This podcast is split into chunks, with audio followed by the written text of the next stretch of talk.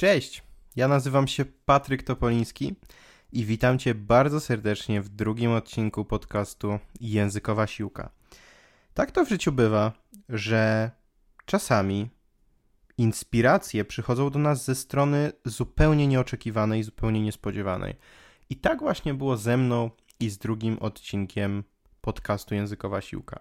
Mianowicie, wczoraj w nocy w nocy przed nagraniem tego odcinka. Nie wiem, kiedy ty to słuchasz. Może to jest dla ciebie rok temu w nocy, ale ty i tak nie wiesz, kiedy to było i, i o co chodzi, więc mówię o co chodzi. E, wczoraj w nocy rozmawiałem sobie na Instagramie z carycą polskiej sceny podcastowej, koleżanką Okuniewską, która mieszka na Islandii i próbuje się islandzkiego nauczyć.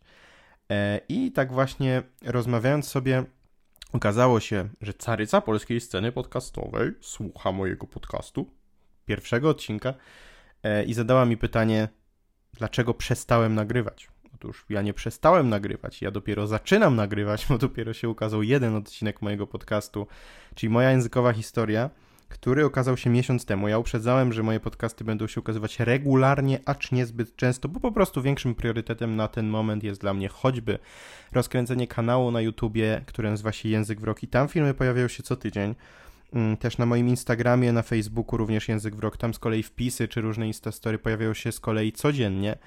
E, a podcast to jest taka forma wyżycia się twórczego w branży językowej, jak to już ostatnio mówiłem, którą przed się biorę e, raz na czas jakiś, na przykład jak mam pomysł na szczególny odcinek, jakąś inspirację, coś o czym chciałbym dłużej pogadać się, naprodukować. Pomyślałem sobie, że po pierwsze, opowiedziałem wam już swoją językową historię w pierwszym odcinku, a po drugie, e, koleżanka Okuniewska, wspomniana już, e, troszkę mnie zainspirowała również tym, co ona pisze o swojej nauce islandzkiego i tym, jak bardzo ten islandzki idzie jej jak krew z nosa, jak krew w piach w słynnym, e, słynnej scenie z Dnia Świra, gdzie, e, gdzie syn Adasia Miałczyńskiego niekoniecznie uczy się dobrze angielskiego i nie potrafi odmienić być. E, to nie muszę zresztą przytaczać, każdy z nas doskonale tę scenę zna, a jeśli nie, to przecież trzeba obejrzeć film Dzień Świra, bo jest kapitalny. Natomiast...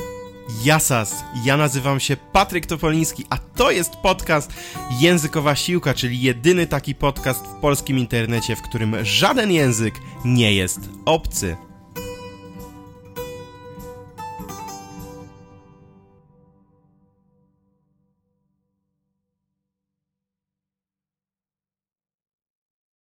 Natomiast... Mm, a w ogóle taka notka. Ja tutaj będę dużo gadał, będę robił anegdotki i tak dalej, więc jeśli chcesz mieć wiedzę w pigułce, to ja zapraszam na YouTube'a. Tam są odcinki poskracane, pocięte do granic możliwości. Zapraszam na portal Językowa Siłka, gdzie są moje teksty. Zapraszam do kupienia sobie mojego e-booka Językowa Siłka w językowysklep.pl mm, i w wielu różnych innych miejscach macie moją wiedzę bardziej skondensowaną. Jeśli chodzi o, zresztą domyślasz się pewnie o czym będzie dzisiejszy podcast, bo przecież ten podcast ma tytuł, natomiast y, w treści jeszcze tego nie powiedziałem. Mm, opowiem dzisiaj o wszystkich wymówkach, które mają osoby, które języków się nie uczą albo uczą się ich i robią to nieefektywnie, a później co mówią, jakie ich zdaniem są te powody, a później będę te argumenty powoli zbijał, jednym przyznając trochę większą rację, innym twierdząc, że jest to kompletnie z czapy wzięte. Mm, I tak sobie przejdziemy dzisiaj przez cały podcast. Oczywiście będzie dużo wskazówek, jak e, względem tych wymówek, co można zrobić, żeby już dzisiaj zacząć się uczyć bardziej efektywnie i być jak Robert Lewandowski, który mija kolejnych przeciwników w meczu ze Słowenią. E, ale też będzie sporo anegdotek, będzie też e, no, różne rzeczy będą. Jedźmy dalej. E, więc tak, wymówka numer jeden mm, brzmi: języka nie da się nauczyć samodzielnie. I to jest guzik, prawda? Otóż mój argument jest taki. Mm, bo wiecie, wiele osób ma tak, że no ja bym się chciał nauczyć języka, ale szkoła językowa to jest na przykład, nie wiem, w Toruniu, a ja mieszkam e, w Kowalewie Pomorskim. E, nie jestem stamtąd, ale mam tam rodzinę, dlatego wiem, że istnieje coś takiego jak Kowalewo Pomorskie. Koniec anegdotki. E, no, na przykład szkoła językowa jest w Toruniu, a jestem z Kowalewa Morskiego i tam nie ma szkoły, nie wiem, hiszpańskiego w moim mieście. Albo E, no, ja mieszkam gdzieś tam na wsi, do Krakowa mam 100 kilometrów, e, ale no nie ma u mnie we wsi lekcji języka takiego i takiego. No i wtedy moja odpowiedź zawsze brzmi, no to ucz się samodzielnie. I wtedy taka osoba mówi, ale nie da się uczyć samodzielnie. A ja mówię, że da się. I dlaczego mówię, że da się? Bo pierwsze primo, najbardziej primowate primo ze wszystkich primów, prim, primów, to jest takie, że języka zawsze uczymy się samodzielnie. W sensie zawsze, zawsze, zawsze nauka języka to jest nauka samodzielna, bo żaden nauczyciel, nawet jakby nie był najlepszy, nie nauczy się języka za nas, nie zapamięta, nie zrobi odpowiednich odstępów pomiędzy powtórkami, nie zrozumie jakichś konstrukcji gramatycznych, czy też wreszcie nie spędzi za nas godzin na nauce słownictwa, bo owszem, innych ludzi do niektórych rzeczy potrzebujemy, bo to też nie jest tak, że wiesz, Mm, że jak się uczysz języka samodzielnie, e, to oznacza to, że wchodzisz do magicznej szafy na pół roku i wychodzisz z tej szafy mówiąc po maorysku, jedziesz do Nowej Zelandii, znajdujesz maorysa na ulicy i mówisz mu e, kiaora. Nie, to, to, to tak nie jest. To jest tak, że nauka samodzielna, zawsze jest samodzielna, polega na tym, że samodzielnie na przykład no, trzeba się nauczyć słownictwa, samodzielnie trzeba, akurat ok, przy zrozumieniu jakichś konstrukcji gramatycznych, tu może nam pomóc rzeczywiście lektor, nauczyciel, bądź po prostu native speaker, bądź dobra książka. Jeśli chodzi o słownictwo, sami musimy się go nauczyć, bo po prostu odpowiednia liczba, ilość powtórek, odpowiednio dużo czasu spędzonych nad językami i tak dalej. Oprócz tego musimy sami być zanurzeni w języku, niech ten, stworzyć sobie takie środowisko, żeby ten język nas otaczał, żeby sobie czasem słuchać jakiegoś podcastu w obcym języku, żeby czasem nie wiem, obejrzeć sobie serial i tak dalej, no to wszystko jest przecież samodzielne. Jakby, no nie mamy tutora, który siedzi z nami 24 na 7, a przecież języków, e, o czym też wie każdy, kto sobie pobrał ze strony językowasiłka.pl darmowego e-booka, mini e-booka na temat całkowitego zanurzenia w języku. To nie jest tak, że nauka języka e, powinna być jak chodzenie na basen, dwa razy w tygodniu popływam, tak jak chodzenie na lekcje, dwa razy w tygodniu popływam, tylko raczej takie wskoczenie do nowego świata językowego oceanu i nigdy z niego nie wychodzenie, tak by wyrosły nam płetwy, skrzela językowe i by tak to właśnie wyglądało. E, no więc pierwszy argument przeciwko tezie, że języka nie da się nauczyć samodzielnie jest taki, że języka zawsze uczymy się samodzielnie. I teraz tak, oczywiście nauczyciel przyda się, bo są też fantastyczni nauczyciele. Jeśli kogoś stać, to super, ale wiemy też, że dla wielu osób przeszkodą są pieniądze, bo nauczyciele języków e, się cenią, przynajmniej, e, przynajmniej ci dobrzy głównie się cenią. Jak jesteś nauczycielem języka i się nie cenisz, to zacznij się cenić, e, bo to jest jednak umiejętność, którą no, dobry nauczyciel języka to jest naprawdę e, może nie tyle rzadkość, co na rynku językowym jest sporo nauczycieli bardzo przeciętnych. Więc jeśli jesteś dobrym nauczycielem, to naprawdę musisz się, że tak powiem, dobrze pozycjonować. Ale to jest e, jeszcze inna kwestia. Mm, no ale nauczyciele się przydadzą do niektórych rzeczy. Ale jeśli na przykład jesteś osobą, która nie ma pieniędzy na nauczyciela, albo po prostu lubi, tak jak ja, ten taki proces spokojnego odkrywania kolejnych półwyspów, wysep na tym oceanie językowym, no to wtedy nauka samodzielna jest po prostu idealna. I teraz tak, jeśli chodzi o, oczywiście ja te wszystkie kwestie typu nauka słówek, nauka gramatyki, nauka e, słuchania, czytania, mówienia, pisania, to pokryłem po pierwsze w swoim e-booku Językowa Siłka, e, który polecam sobie nabyć, jak coś. E, no a także opowiedziałem mm, o tym w wielu moich różnych filmach na YouTubie, e, tych artykułach, więc jeśli chcesz do konkretnej z tych rzeczy się odnieść, bo no w jednym podcaście nie dam oczywiście rady tego zrobić. Pewnie podcasty na temat różnych metod też będą, aczkolwiek bardziej takie anegdotkowe. Mm, no właśnie, no i w momencie, kiedy uczymy się samodzielnie. E, wiadomo, że warto się w tym języku zanurzyć. E, wiadomo, że warto się uczyć regularnie dobrze z dobrych narzędzi słownictwa. E, wiadomo, że schody mogą się zacząć w momencie, kiedy pojawia się kwestia gramatyczna.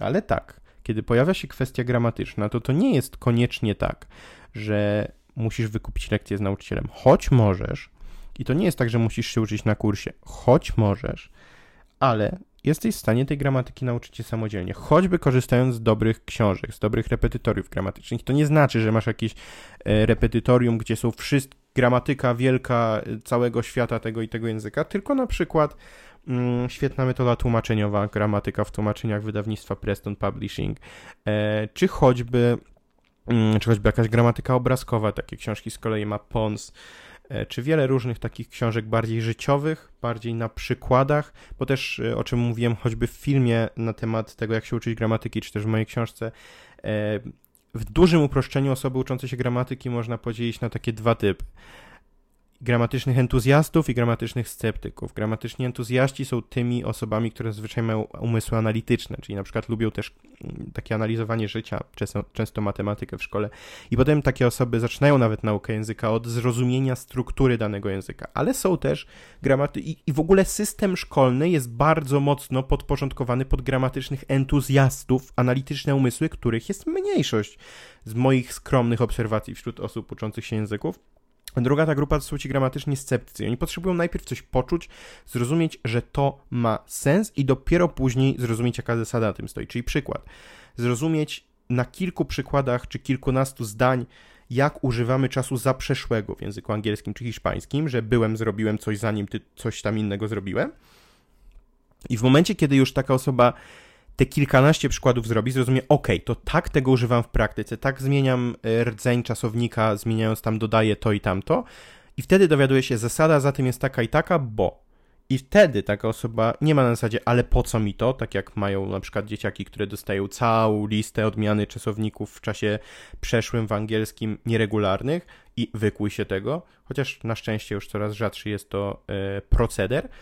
Mm, natomiast y, wtedy takie osoby, kiedy mają właśnie te przykłady, a później zrozumieją, co za tym stoi, mają coś takiego, ok, to teraz już rozumiem.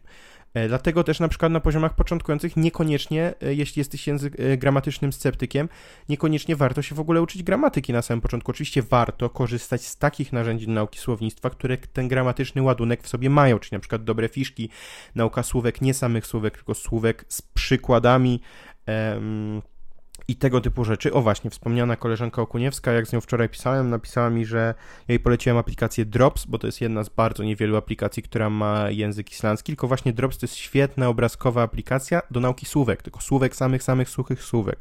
I właśnie ona mi pisała, no super, że ja znam słówka, bo znam dużo słów, e, tylko problem jest taki, że nie wiem, jak je odmienić, nie wiem, jak ich używać, no i tak dalej. No i dlatego właśnie jest na przykład taka zasada, którą bardzo y, mocno głosi też mój kolega Konrad Jerzak-Weldobosz, też poliglota, który mówi w 14 ponad, on się uczy tych języków wszystkich, które istnieją praktycznie e, i, on zawsze mówi, żeby nie uczyć się słówek, ucząc się słówek, to znaczy uczyć się słówek w całych zdaniach, raczej się uczyć całych zdań, zwrotów, przykładów użycia konkretnych konstrukcji niż słówek, słówek.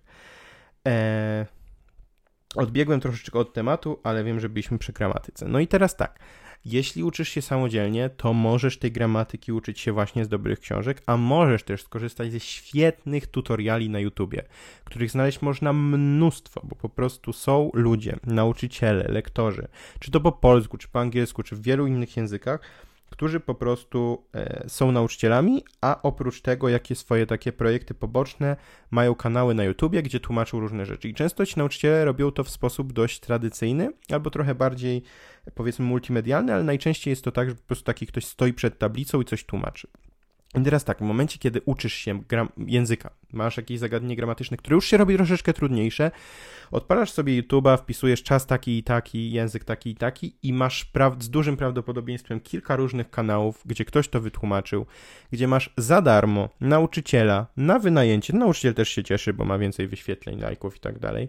Um, i masz tego nauczyciela, możesz sobie cofać, możesz sobie wiele razy powtarzać. Więc jeśli chcesz się uczyć na przykład w swoim tempie nie odpowiadać to, że w szkole językowej, na przykład, w której nie masz indywidualnych lekcji, bo oczywiście są też świetne szkoły językowe, gdzie masz lekcje indywidualne, ale z kolei wtedy one są droższe, no ale z kolei jak masz lekcje nieindywidualne, to jest tempo grupy, a nie twoja, ty możesz iść trochę szybciej, możesz iść trochę wolniej. Czy na przykład w szkole, jak jesteś, e, w szkole, nie wiem, nauczycielka, jesteś w liceum, nauczycielka coś wytłumaczyła, nie do końca zrozumiałeś, zrozumiałaś, to można sobie właśnie na YouTubie coś takiego, znaleźć takiego nauczyciela, który to może lepiej wytłumaczył, może na innych przykładach, może po prostu bardziej złapałeś z nim flow, może coś takiego się po prostu pojawiło. E... No dobra, natomiast e... przechodząc powoli właśnie do drugiej wymówki, która jest bardzo związana z tą pierwszą wymówką. Druga wymówka brzmi: Nie mam pieniędzy, bo nauka języków jest tak droga, ale to tak droga, ale to jest tyle pieniędzów, tyle pieniążków trzeba wydziubać gdzieś tam ze skarpety. E, to tak. Jest rok 2019, jest grudzień. Nie jest grudzień, jest listopad. Ja się uczę w ramach wyzwania język w rok języka greckiego, gdzie mi całkiem nieźle, jestem na poziomie średnio zaawansowanym, coś tam gadam, mnóstwo rozumiem. Wczoraj skończyłem lekcję na temat różnych religii, więc jeśli byście chcieli się dowiedzieć, jak jest protestantyzm, albo e, judaizm, albo muzułmanin, albo e, no właśnie, bo jest Zami, czyli chyba szyba i Zami, czyli meczet, albo na odwrót. W każdym taki false friend związany z tym, z, z innym akcentem. Natomiast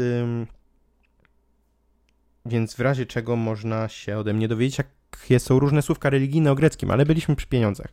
Ile wydałem na naukę greckiego do tej pory w tym roku? Otóż wydałem kilkadziesiąt złotych, nie pamiętam ile dokładnie kosztowały na rozmówki Dogadaj się po grecku. Daje mi się około 50 złotych. Wydałem 200 złotych z hakiem na kurs Assimil, który jest kursem multimedialnym po francusku języka greckiego. E, I, I te rozmówki mi zapewniły taką bazę słownictwa, bo ja sobie te stworzyłem z tych fraz, które tam autorka Żaneta Barska e, zawarła. Ja sobie z nich stworzyłem kurs mm, na tym, na aplikacji Memrise, o czym opisywałem w filmie e, po pół roku wyzwania na moim YouTubie. Oprócz tego korzystałem z Duolingo, który jest darmową aplikacją. E, też niekoniecznie ucząc się na samym Duolingo, ale też znalazłem kurs właśnie w Memrise, gdzie się wszystkie te słówka z Duolingo, po prostu Memrise ma dużo lepszy system powtórek, moim zdaniem, o czym z kolei mówiłem w filmie o aplikacjach, bo ja o większości tych rzeczy mówiłem, albo pisałem w swojej książce. Mm, no to Duolingo jest darmowe. No i teraz tak, e, łącznie daje to niecałe 300 zł. Jeszcze tam kupiłem sobie jakieś dwa słowniki, które jeśli mam być szczery, to niekoniecznie mi się przydały, bo mam i tak słownik internetowy, no więc załóżmy, że 300, 300 zł. No i czy to jest dużo pieniędzy? 300 zł na 12 miesięcy. Jezus, zawsze byłem beznadziejny z matematyki. Ostatnio mówiłem, że miałem zagrożenie liceum z matematyki. Ile to jest? Ile to jest 300 podzielić na 12? Czekajcie, żeby nie wyszedł na no i widzicie, ja na przykład nie mam analitycznego umysłu, nie umiem takich rzeczy liczyć i w głowie. I, i na przykład mnie system szkolny, jeśli chodzi o gramatykę, po prostu mierził. A później miałem na przykład naukę gramatyki hiszpańskiej z seriali, bo po prostu wyłapywałem to, w jakich kontekstach oni używają konkretnych konstrukcji i później to stosowałem. Czy ucząc się różnych języków, czatując z native speakerami, modelowałem to, w jaki sposób oni to w jaki sposób oni e, różne, różnych konstrukcji używają i w tych samych kontekstach używałem podobnych konstrukcji.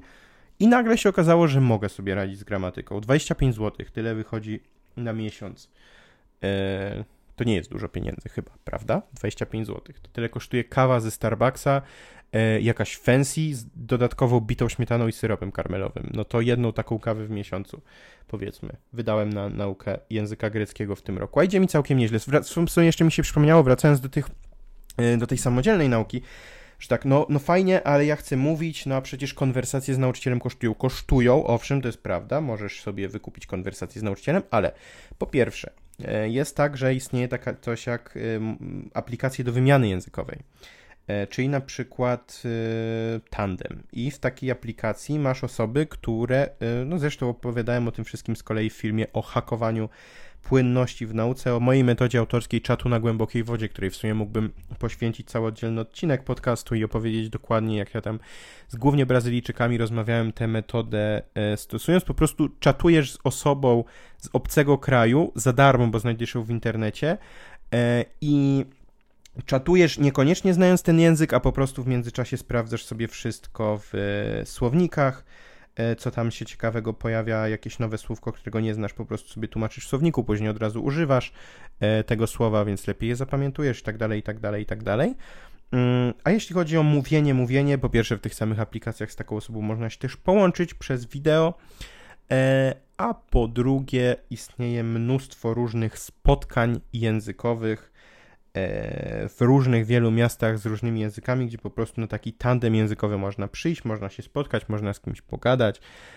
w tym języku. Można też w tych aplikacjach, jeśli nie pisać, to nagrywać wiadomości głosowe i w ten sposób ćwiczyć mówienia. W ostateczności można nawet mówić do siebie, do psa w tym obcym języku, żeby to choć trochę ćwiczyć.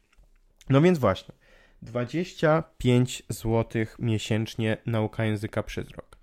A tak na dobrą sprawę, mm, nie wiem, choćby, żeby zacząć naukę języka hiszpańskiego. Co potrzebujesz? Potrzebujesz dobre narzędzie do nauki słownictwa, do gramatyki opcjonalnie, choć niekoniecznie, jakieś tam zanurzenie w języku, narzędzia do wymowy. Narzędzia do wymowy na YouTubie masz mnóstwo darmowych kursów. E, ten, e, słownictwo. Kupujesz sobie świetne fiszki wydawnictwa 4 głowy z fiszki.pl i kosztuje to 40 bądź 50 zł, już nie pamiętam. E, I masz na pierwszy miesiąc czy kilka miesięcy wyposażenie językowe za 40 zł, bo też wiele osób robi tak, że po prostu ma szał zakupowy, myśli sobie, ja się nauczę języka chińskiego. I później jest to jakiś szał, bo jest motywacja na początku, która zawsze jest. Od motywacji, o tym jeszcze porozmawiamy sobie w którymś odcinku, o tym, jak motywacja jest bardzo przereklamowana i jak bardzo lepszy jest samodyscyplina oraz budowanie nawyku nauki. Swoją drogą, oprócz jak się tam zapiszesz do tego newslettera na językowasilka.pl, to oprócz tego mini e-booka o całkowitym zanurzeniu jest też karta pracy, która pomaga zbudować w 30 dni nawyk codziennej nauki języka. Ale, mm, ale, ale, ale, ale, ale, ale, ale, le, ble. No tak, właśnie, teraz jestem kibicem francuskiej reprezentacji piłkarskiej, ja zapomniałem o czym mówiłem.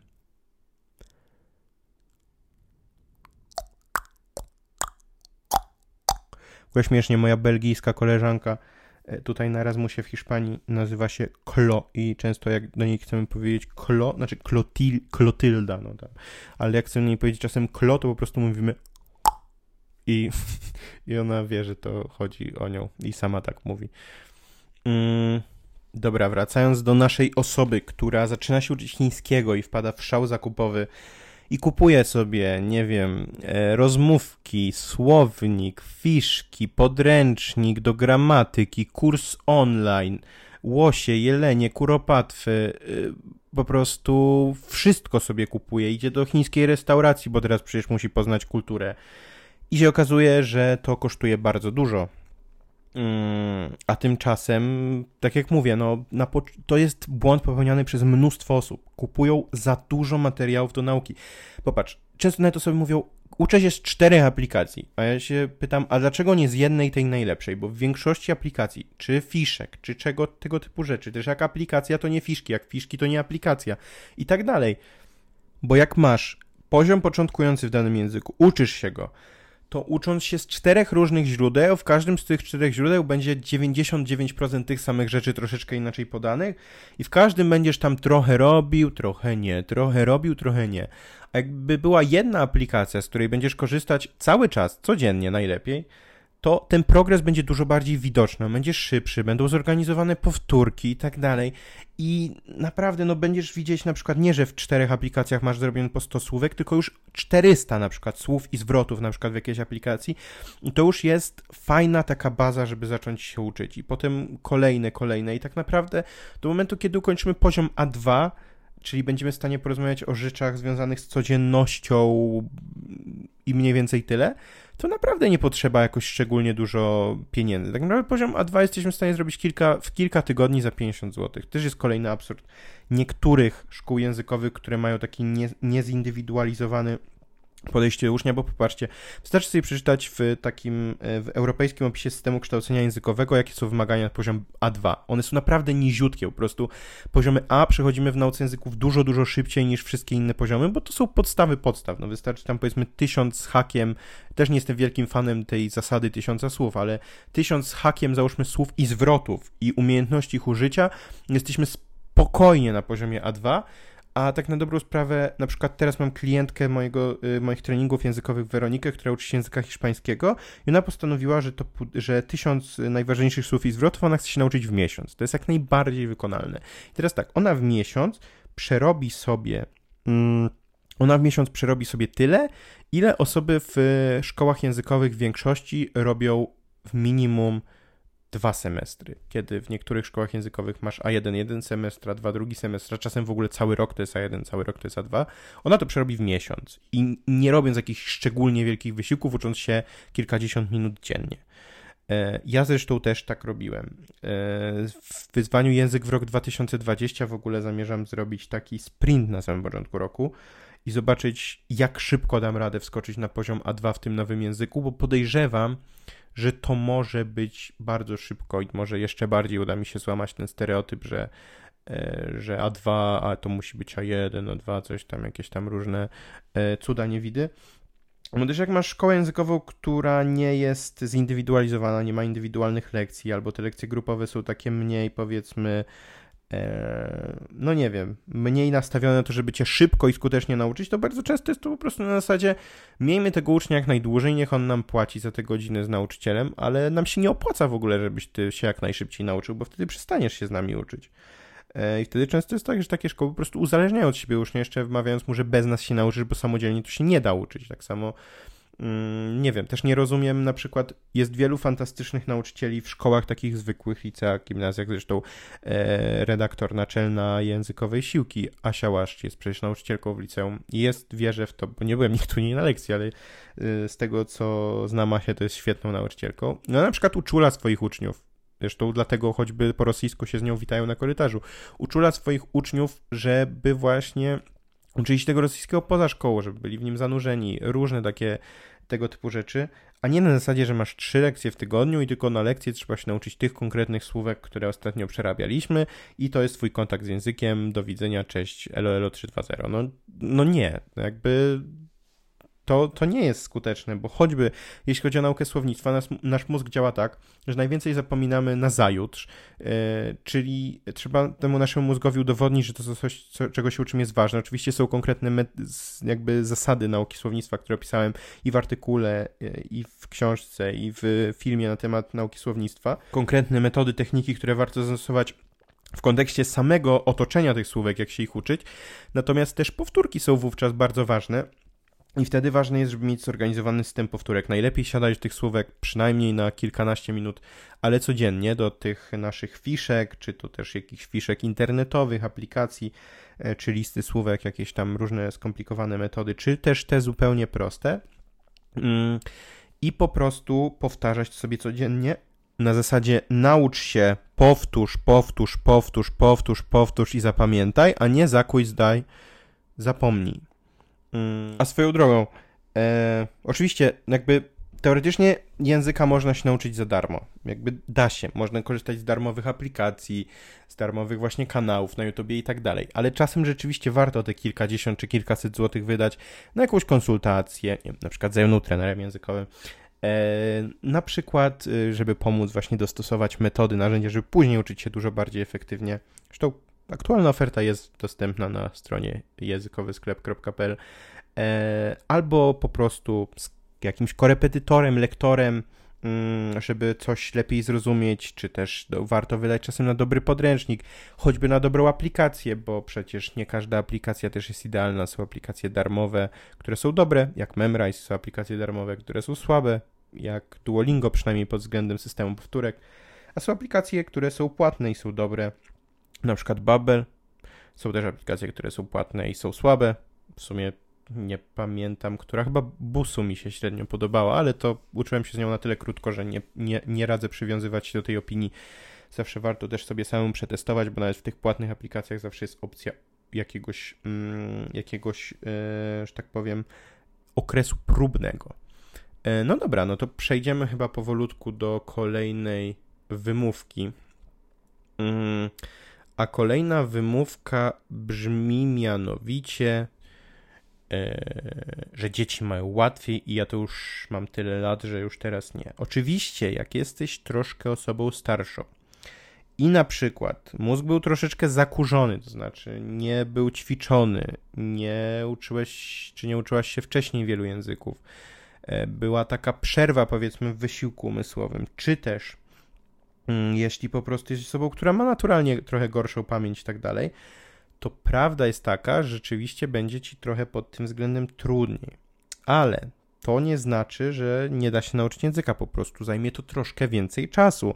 E, też mam z kolei teraz takiego klienta, mm, Witolda, z którym dzisiaj miałem spotkanie na treningu językowym i on właśnie e, uczy się swoim tempem i to jest fantastyczne, że on się z nikim nie ściga.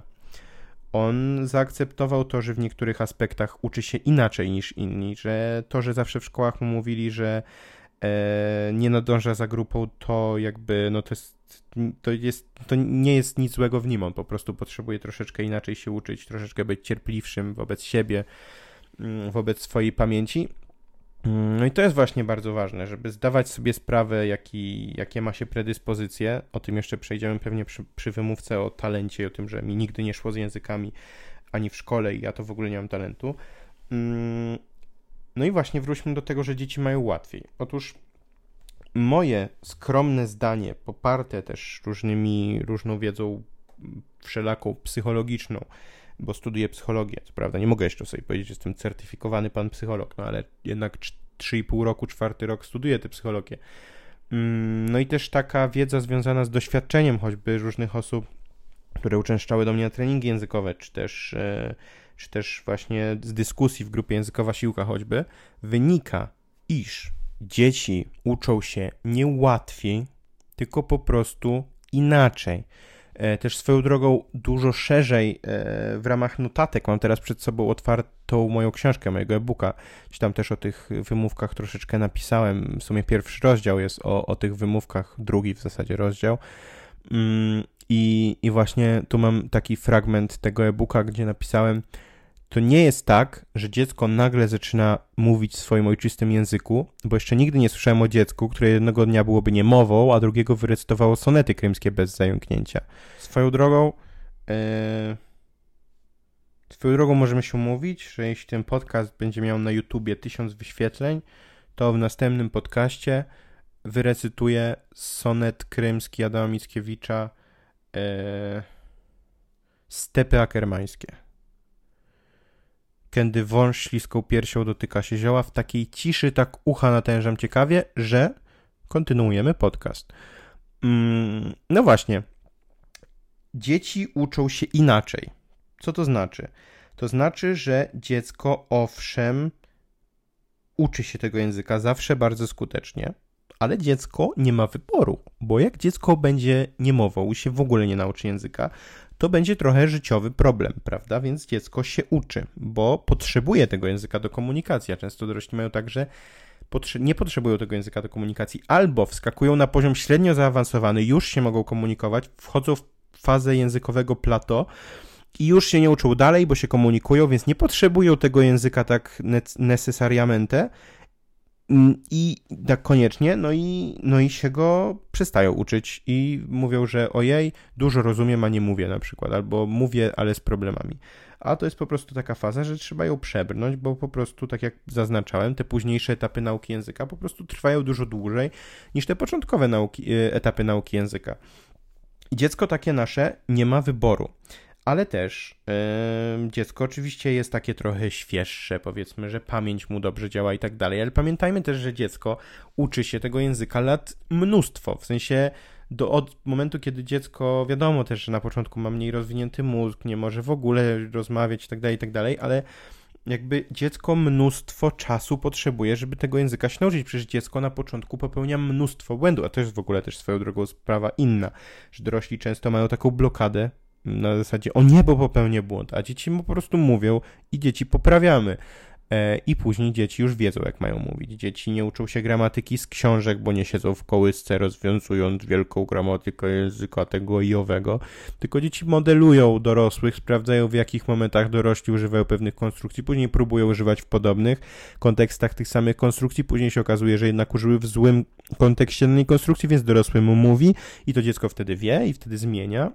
I tak robi, aż robi, aż robi. I dlatego właśnie my, jako Polacy, średnio jesteśmy w stanie wytłumaczyć zasady gramatyczne obcokrajowcowi, bo po prostu sami ich nie znamy, bo nigdy się ich nie uczyliśmy w szkole, znaczy uczyliśmy się na języku polskim, ale nigdy się ich nie uczyliśmy ucząc się tego języka polskiego, bo po prostu stosowaliśmy metodę zanurzenia w języku, którą dziecko stosuje naturalnie, bo stosowaliśmy metodę modelowania native speakerów w nauce gramatyki i tak dalej.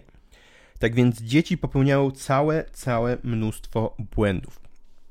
Mm, I kolejna kwestia jest taka, że dorośli mają też nad dziećmi trochę przewag. Po pierwsze, mamy właśnie nawet jako dorośli ci sceptycy gramatyczni, w ogóle nie jakoś szczególnie analityczne osoby, nadal mamy analityczny umysł w takim sensie, że bardziej analityczny niż umysł dziecka. Więc jesteśmy w stanie hmm, choćby w sposób e, racjonalny zbudować sobie nawyk nauki, zbudować sobie samodyscyplinę, która pomoże się uczyć regularnie, dobrać nauki, metody nauki języka, które są idealne dla nas, po prostu próbować jednej, drugiej, czwartej, ósmej, próbować różnych metod, różnych narzędzi i stosować te, która do nas najbardziej przemawia, bo najlepiej się uczy tak, jak nam to sprawia przyjemność. Ja na przykład kocham pisać z różnymi ludźmi korzystając z metody czasu, czatu na głębokiej wodzie, ale jeśli ktoś tego nie lubi, to nie będzie efektywnie się w ten sposób uczył. Więc trzeba znaleźć taki złoty środek, żeby to był z jednej strony narzędzie czy metoda, która ma sens, bo po prostu jest skuteczna, ale z drugiej strony, która sprawia nam przyjemność, bo też ucząc się przyjemnie w sposób, który nie ma sensu, nie mądry, oczywiście też się nie nauczymy, ale też nie nauczymy się ucząc naj, nawet najlepszej metody, jeśli będzie nam to sprawiało w ogóle frajdy, bo po prostu albo rzucimy tę naukę w kąt, twierdząc, że to jest po prostu katorga, albo po prostu nic nie będziemy zapamiętywać, będziemy tak bardzo przysiągnięci złymi emocjami. Eee, no i też mamy tę przewagę nad dziećmi, że dziecko jest takim carte blanche, dziecko jest taką białą kartką, które nie zna żadnego języka i to dziecko na przykład musi się nauczyć rozróżniać dźwięk M od N, e, musi się nauczyć rozróżniać, nie wiem, e, wszystko od wszystkiego, każde słowo. Nie wie nawet, co to jest pizza. Wyobrażacie sobie, że dziecko nie wie, co to jest pizza, jak się rodzi? My wiemy, co to jest pizza, bo zjedliśmy już tyle tych pizz, a co swoją drogą jest a propos nauki słownictwa. Jak się uczysz słowa pizza i uczysz się no, no po prostu, nie wiem, słowa pizza tak w abstrakcji, jakiegoś obrazka pizzy, to, znaczy to akurat jest zły przykład, bo w sumie pizza jest taka sama w każdym różnym języku, ale zawsze warto też odnieść się do jakiegoś doświadczenia z naszego życia, jakiejś tej konkretnej pizzy, która ma dla nas jakieś szczególne znaczenie, jest szczególnie pyszna i tak dalej, żeby ją lepiej zapamiętać swoją drogą. A propos jeszcze innej anegdotki ostatnio, bo zawsze powtarzam, y, jest tak, że jak y, czasem jest tak, że jak się robi w ogóle jakieś tam rzeczy takie, powiedzmy, y, uczy się innych czegoś, to czasem jest tak, że przy, przygnie do ciebie taki przykład, którego nawet nieświadomie zawsze powtarzasz. Ja na przykład mam taki przykład, na przykład mam taki przykład, że, że jak opowiadam o tym, że lepiej uczyć się słownictwa, im więcej zmysłów użyjemy naraz, tym lepiej, to mam taki przykład, że mm, no wiesz, jak będziesz się uczył na przykład słowa śliwka, to oprócz tego, że słuchasz tego słowa, widzisz to słowo, jakiś obrazek, coś tam, gwarantuję, że jakbyś jadł śliwkę i czuł smak śliwki, to lepiej to zapamiętasz. I ostatnio miałem coś takiego, że mm, jadłem sobie w stołówce y, jedzonko mając na słuchawkach język grecki, gdzie akurat e, język grecki, audio z tych rozmówek wspomnianych wcześniej, no i tam e, właśnie Żaneta, autorka tych rozmówek, która jest pół Polką, pół Greczynką, chyba, tak jakoś można to powiedzieć, no, mówiła słówka z tego, z dziedziny kulinarnych. No i ja właśnie e, miałem coś takiego, że robiłem sobie gryz i miałem takie uczucie, taką myśl w głowie, Jezu, ale pięknie pachnie ta kolendra, i e, wtedy pojawiło się dosłownie w momencie, kiedy pojawiła się ta moja myśl w głowie, e, pojawiło się słówko w tym, w, w, w, w słuchawkach o koliandros. I ja pomyślałem takie, wow, to się właśnie stało. Jedzenie czegoś i czucie tego smaku i jednocześnie nauka słówka. Już nie potrzebowałem, wiadomo, że słowo kolendra i koliandros jest dość podobne, ale już nie potrzebowałem nigdy tego słówka powtarzać. To na pewno jest tak, bo zaraz się okaże, że ten przykład w ogóle przestanie mieć sens, bo się okaże, że kolendra jest po grecku jakoś inaczej i zrobiłem jakąś literówkę czy, czy coś w tym rodzaju. Grecki, kolendra. Pani Google, pani mi powie. Pani wie najlepiej zawsze. Czy tam pan? Kolendra. I to jest. Czy ja powiedziałem dobrze? Koliandro chyba. No to dobrze powiedziałem. Koliandro. Dziękuję pani. E, no więc właśnie. A mówiłem o tym, że wyobrażacie sobie właśnie nie znać nawet słowa pizza, bo dziecko nie zna żadnego języka, a my znamy już język polski, wielu z nas zna język angielski, czy rosyjski, czy jakiś niemiecki, czy jakiś jeszcze inny język i wielu z nas po prostu ma tak, że zna już jakiś język, to już jest jakaś fajna baza, bo zawsze można się odnieść, można tak pozytywnie w ten sposób spojrzeć, czwartego, piątego, szóstego, siódmego czy ósmego. Każda osoba, która zna trochę więcej języków, wie, że każdy kolejny język przychodzi łatwiej z dwóch powodów. Po pierwsze dlatego, że ucząc się każdego nowego, trzech powodów. Pierwsze dlatego, że ucząc się każdego nowego języka, znamy coraz więcej zasobów słownictwa, te słówka w, tam w historii zawsze się gdzieś przewijały, ktoś zapożyczył coś od kogoś, e, ktoś tam kogoś podbił i narzucił jakieś swoje słówka i tego typu rzeczy. Druga rzecz jest taka, że mm, ćwiczymy nasz mózg, więc coraz lepiej działa nasza pamięć i takie różne e, mało sexy sprawy. A trzecia rzecz jest taka, że po prostu lepiej się uczymy, jakim typem osoby e, uczącej się języka języka jesteśmy my i jakie są metody, które działają najlepiej dla nas, bo już mamy doświadczenie z konkretnymi metodami, z narzędziami, po prostu wiemy, co jest lepszego dla nas, więc nie miej takiego poczucia w sobie, że dzieci mają łatwiej, bo to do niczego ci nie zaprowadzi, skoro jest tyle osób. Ja na przykład zacząłem się pierwszego obcego języka angielskiego uczyć w podstawówce, tak na poważnie, o czym opowiadałem w mojej historii językowej w poprzednim odcinku podcastu, zacząłem się zajmować językami w liceum. I teraz znam dziewięć języków, mówię w nich, rozmawiam sobie, czytam, słucham, oglądam seriale. I jakby to nie jest dlatego, że mam jakiś szczególny talent, o czym jeszcze powiem, ani nie jest tak, że jako, co, jako dziecko miałem łatwiej. Dlaczego? Bo, bo tak się utarło i tyle, no, no też jeszcze inna sprawa. Dorośli często uczą się metodami zupełnie bezsensownymi, a dzieci zupełnie naturalnie uczą się metodami świetnymi. I nie mam pojęcia, dlaczego osoba, na przykład, yy, która nauczyła się języka polskiego kapitalnie, ucząc się fantastycznymi metodami jako dziecko, potem siada do nauki angielskiego, i robi coś zupełnie na opak niż to, co robiło jako dziecko, żeby się nauczyć języka polskiego. No przecież takie metody jak zanurzenie, czyli bycie otoczonym tym językiem. Mm, przypominam o tym, można sobie przeczytać w moim mini e-booku do pobrania za darmo ze strony Językowa Siłka. E, takie rzeczy jak zanurzenie się w tym języku, przecież dzieci to robią naturalnie. Takie rzeczy jak e, choćby właśnie modelowanie native speakerów, sposobów, w jakich kontekstach moja mama używa konkretnych słów, w jakich kontekstach moja mama y, używa konkretnej konstrukcji gramatycznej, a moja mama użyła jakiegoś nowego słowa, to zapytam ją, co to słowo znaczy. No, this is that simple, bro or sister. Y, Boże, znaczy Otheos, to jest Bóg, jeśli się nie mylę po grecku. E, od, znaczy, za bardzo się chyba rozluźniam w tym podcaście. Eh, en algún momento voy a hablar algunos eh, idiomas y no lo sé qué voy a hacer porque puede ser un poco, un poco, no sé, eh, complicado para vosotros para entender, ¿no? Y por ejemplo, voy a hablar con acento andaluz. Andaluz es cortar la palabra y cortar la palabra y por ejemplo, voy a hablar con un acento un poco um pouco diferente, com um sotaque um pouco diferente, como por exemplo o sotaque brasileiro, o sotaque do Rio de Janeiro. Dobra, mm, mam nadzieję, że przetrwałeś te moje oratorskie popisy po hiszpańsku z akcentem andaluzyjskim oraz po portugalsku z moim bardzo, mm, że tak powiem, e, z bardzo namiętnie kochanym i próbowanym akcentem carioca czyli z okolic Rio de Janeiro.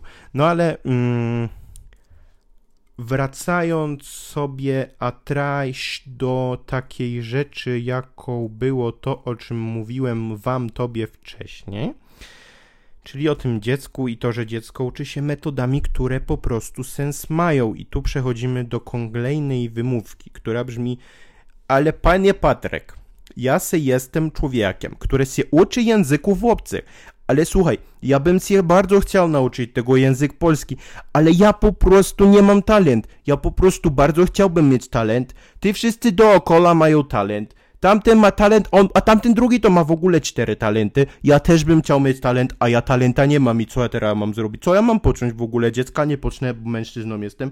No po prostu ja nie wiem. Nie wiem po prostu, no co mam zrobić w życiu swoim, jak ja po prostu talentu nie mam.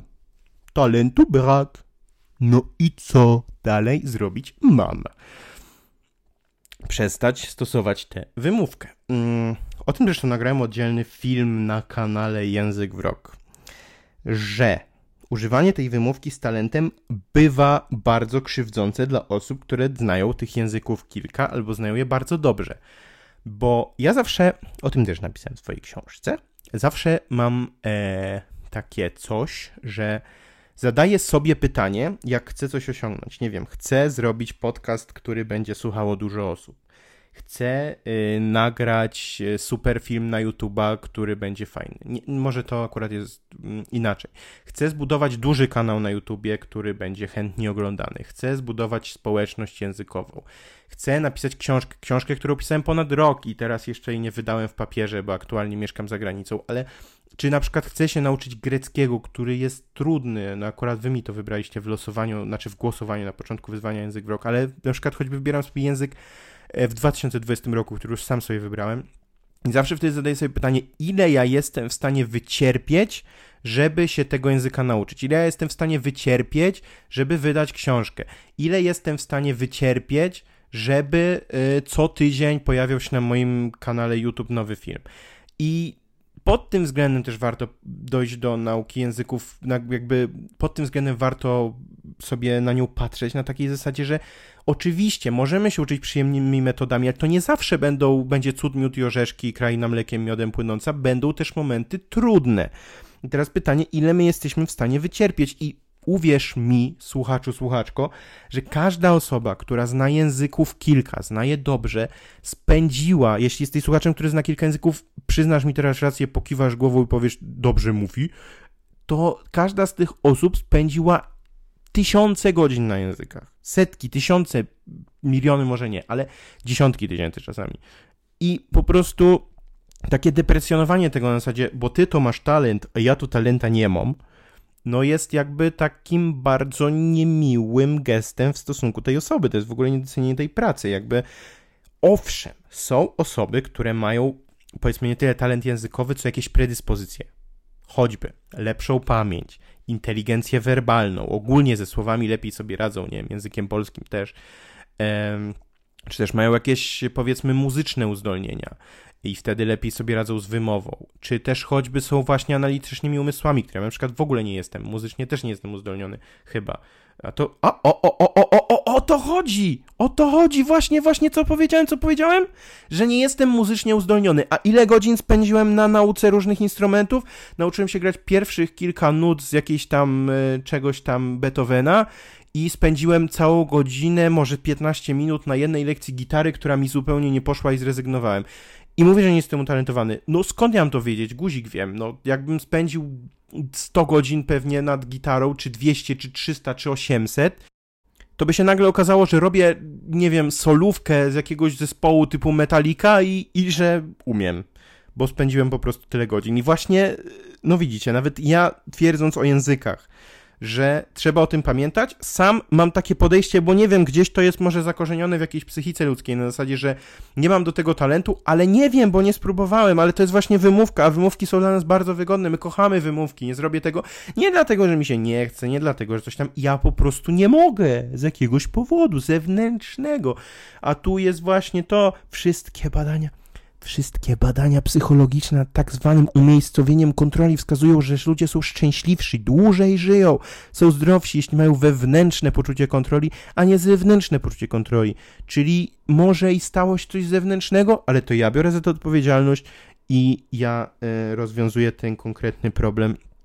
Y, to jakby ktoś chciał y, żyć dłużej i szczęśliwiej. E, to umiejscowienie kontroli wewnętrznej bardzo się przydaje wedle wszystkich badań psychologicznych, które czytałem. E, jeśli chodzi o, e, o talent, też, też bardzo mi się podoba takie stwierdzenie psychologii. Był sobie taki pan Donald Hebb i on e, dywagował na temat takiego odwiecznego problemu psychologów, filozofów, naukowców.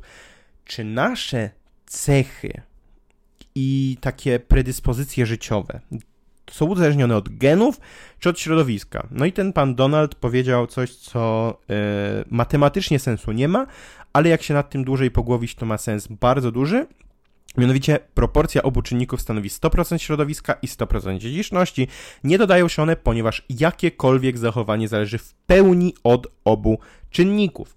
E, I właśnie tak jest też, jeśli chodzi o naukę języka. Oczywiście możemy mieć jakieś predyspozycje, lepszą pamięć czy coś, ale też środowisko, czyli to, jak inni na nas wpływają, ale też na przykład dobra nauczycielka od języka jakiegoś, e, ale też nasza praca, nasza ciężka praca, nauka nad tym, żeby danego języka się pouczyć lepiej, inaczej, wejść też bardziej w jakieś tajniki e, tajemniczych, magicznych, których nie istnieją swoją drogą metod i narzędzi nauki języków. Po prostu poznanie też siebie bardziej. Często jest tak, że osoby, które nie ma, twierdzą, że nie mają talentu, po prostu uczą się bezsensownymi metodami, które po prostu nie działają. No i, i wtedy y, myślą sobie, ucząc się raz, drugi, trzeci, czwarty, ósmy, że jak za ósmym razem nie wychodzi, to znaczy, że nie mają talentu. Ale to nie jest tak, że nie mają talentu. Może ta metoda, która działa na osobę A, nie zadziała na osobę B, a na oso osobie C jeszcze zaszkodzi, a się okaże, że jednak dla osoby D jednak jest w porządku.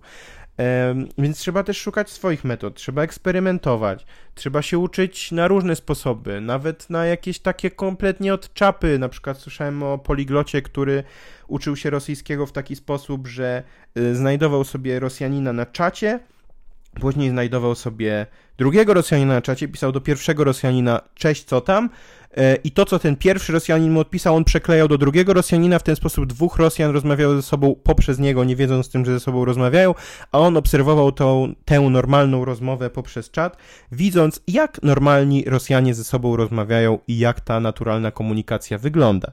Więc no, kto tak, o takiej metodzie słyszał, kto o niej się nauczył w szkole, kto w szkole się dowiedział o metodzie całkowitego zanurzenia, kto w szkole się dowiedział o tym, czym jest system SRS i dlaczego tak magicznie działa na naszą pamięć, e, kto w szkole się dowiedział, że nauka słówek z listy słówek nie ma sensu, kto w szkole się nauczył, że gramatyki może się uczyć z serialu, na przykład e, w ten sposób, że e, modeluje właśnie to, w jaki sposób konkretna osoba. No nie wiem, nawet mam taki z narzeczoną serial Velvet, Velvet, który jest po hiszpańsku.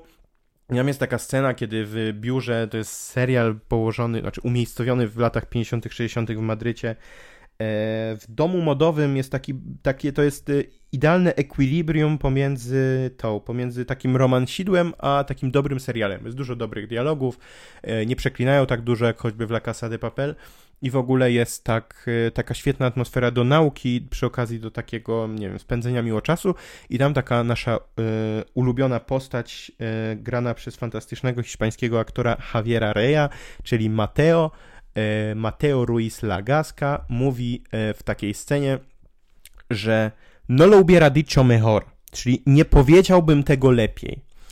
I ja tę scenę sobie oglądałem i do teraz wiem, jaki to był kontekst, kiedy taki inny gość, którego on niekoniecznie na nim przypadał, powiedział swojego taty, że już nic tu po nas, już w ogóle wychodzimy, e, już nie inwestujemy w tej firmie, bo ten, bo ten, e, ten gościu, o którym Mateo mówił, e, podrywał Mateowi e, dziewczynę, i poderwał skutecznie. No i ten Mateo właśnie takim stwierdzeniem, no lubię Radicho mejor, nie powiedziałbym tego lepiej, e, powiedział, właśnie dał idealny sposób zastosowania tej konkretnej konstrukcji i ja już zawsze tę konkretną konstrukcję zapamiętam z tą sceną, wiem kiedy warto jej użyć, wiem co znaczy, wiem o co w niej chodzi i tak dalej. I tak też się można uczyć gramatyki. To samo jeśli chodzi o choćby, yy, nie wiem, jak się nauczyłem gramatyki języka portugalskiego. No bo rozmawiałem z Brazylijczykami na czacie, widziałem, że jak Brazylijczyk, jeden, drugi, trzeci, czwarty Brazylijczyk i Brazylijka używa tej konkretnej konstrukcji, żeby powiedzieć o przeszłości, to ja też ją użyję, że jeśli mówi que legal, co znaczy jak legalnie, dosłownie, a, a znaczy dosłownie, a znaczy w wolnym tłumaczeniu, ale super, ale spoko, ale fajnie, mm, to wiem, że w ten sposób tego użyję, tak? Tak samo jakieś takie konstrukcje typu właśnie czas zaprzeszły i tak dalej. Tego można się uczyć sposoby, na sposoby trochę mniej oczywiste, a nawet zupełnie mniej oczywiste, więc bardzo często jest tak, że jeśli ktoś ma podejście na zasadzie, ja to nie mam talentu na nauki języków. Jeśli ktoś ma podejście na zasadzie, no bo w szkole to mi nigdy nie szło z językami, to spróbuj inaczej. Może nie powinienem tego mówić w podcaście, ale ja miałem w liceum dwójkę z angielskiego. Mi angielski szedł świetnie, ale z angielskiego szkolnego miałem dwójkę. Z rosyjskiego miałem najlepsze możliwe oceny, to przyznaję. Dodatkowo chodziłem na włoski. Miałem tam na włoskim super było. Samodzielnie uczyłem się hiszpańskiego, było świetnie. Z angielskiego, z którego zdałem matury rozszerzoną na 89%, podstawową 96%, szkolny angielski to po mnie dwuja. Dlaczego? Bo Patryk na sprawdzian nie nauczył się słów, słówka z rozdziału trzeciego, tylko z rozdziału siódmego, a my jesteśmy na rozdziale, siód, na rozdziale trzecim, a on to słówko zna skądś indziej, więc nie może go użyć w rozdziale trzecim. Eee, albo nie napisał 450 różnych prac, bo miałem dość wymagające liceum. No i i co? I ja mógłbym sobie pomyśleć, nie mam talentu, ale ja wiedziałem, że jednocześnie już gadam po francusku, po rosyjsku. E, swoją drugą nauczycielka od rosyjskiego mnie kochała, e, bo nie wiem w sumie, bo, bo ja się przykładałem do rosyjskiego, tylko nie uczyłem się właśnie typowo, tylko uczyłem się po swojemu, ale efekt był dobry. I na angielskim ten dobry efekt oznaczał, dobry dla mnie, oznaczał dwójkę na sprawdzianie, a na rosyjskim oznaczał piątkę na sprawdzianie. E, I też gadałem już wtedy po włosku, po hiszpańsku i ja wiedziałem, że to nie chodzi o talent, bo z kolei pani od rosyjskiego twierdziła, że mam doskonały talent do nauki języków. Ja wierzę, że... Przepraszam. Ja to wierzę, że to bardziej była wprawa, na zasadzie, że już znałem kilka różnych języków, już coś tam mi się zgadzało i dlatego więcej rozumiałem, byłem w stanie powiedzieć.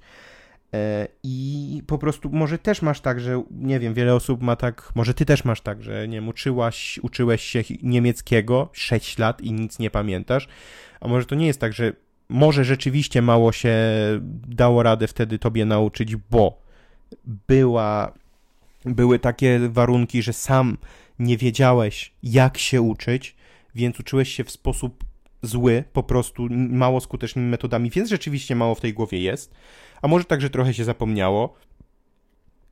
A może też jest tak, że jak się wróci do tego niemieckiego z takim nowym spojrzeniem, nowymi metodami, nagle się okaże, że sporo się przypomni i magicznie będzie później już tak z górki, czy no z górki to w sumie nie będzie, bo im dalej w naukę języka, tym więcej jest tych językowych drzew i ciężej się uczyć i ciężej wskakiwać na te wyższe poziomy. To też jakby ktoś się zastanawiał, czy można tak mega szybko wskoczyć na C2, nie. Ale na B1, B2 już, już całkiem szybko można taki sprincik zrobić. Swoją drogą sam się zastanawiam, jak dam radę się nauczyć w tym wyzwaniu języka rok 2020 języka, bo trochę zamierzam zmodyfikować swoje różne podejścia, metody. W sensie, e, w sensie takim, nie wiem, ure, bardziej urealniając sobie e, czas poświęcany na naukę, bo, bo w tym roku wyznaczyłem sobie za dużo czasu, a nie dałem rady tego wszystkiego zrealizować. I sam jestem ciekaw, jak dam radę. Mm, bo też do greckiego było tak ciężko z dobrymi materiałami. E, znaczy, no jakieś tam znalazłem. Całkiem później się okazało, że, że całkiem spoko, ale pierwszych kilka miesięcy zmarnowałem na takie szlajanie się po językowych ciemnych uliczkach i uczenie się z Duolingo. No dobra. Mm, gdyby to był live, to bym zapytał, czy są do mnie jakieś pytania. E, gdyby to był podcast, to bym powiedział, że jeśli masz do mnie jakieś pytanie, które chcesz mi zadać i myślisz, że fajnie by było, gdyby też inni o tym posłuchali, ja mógłbym o tym ciekawy sposób opowiedzieć, to nagraj wiadomość głosową, wyślij ją do mnie na prywatny profil na Facebooku Patryk Topoliński albo na Instagramie, albo w ogóle najlepiej na, o, o jeszcze lepiej, wyślij na maila patrykmałpa językowa, językowasilka.pl pytanie w formie wiadomości głosowej, które ja będę mógł włożyć do podcastu jako twój głos, twoją wiadomość głosową e, i podpisz jakieś tam imię, miejsce czy coś e, i po prostu ja tego użyję i później się do tego odniosę w podcaście i na, ten, pod, tym względem rozwinę ten, e, rozwinę ten konkretny odcinek któryś z następnych. Jeśli chodzi o dzisiaj, to powoli już dopływamy do brzegu. Wydaje mi się, że e, wiele ciekawych rzeczy dałem radę powiedzieć na temat tych różnych wymówek. Mam nadzieję, że jeśli jesteś osobą, która może którąś z tych wymówek się wyręczała, żeby nie uczyć się języka, albo żeby się nie uczyć go tak efektywnie jak do tej pory, to może dam radę cię przekonać jednak, żeby trochę zmienić ten kurs, wypłynąć na szerokie wody i, i po prostu uczyć się kapitalnie, skutecznie, szybko.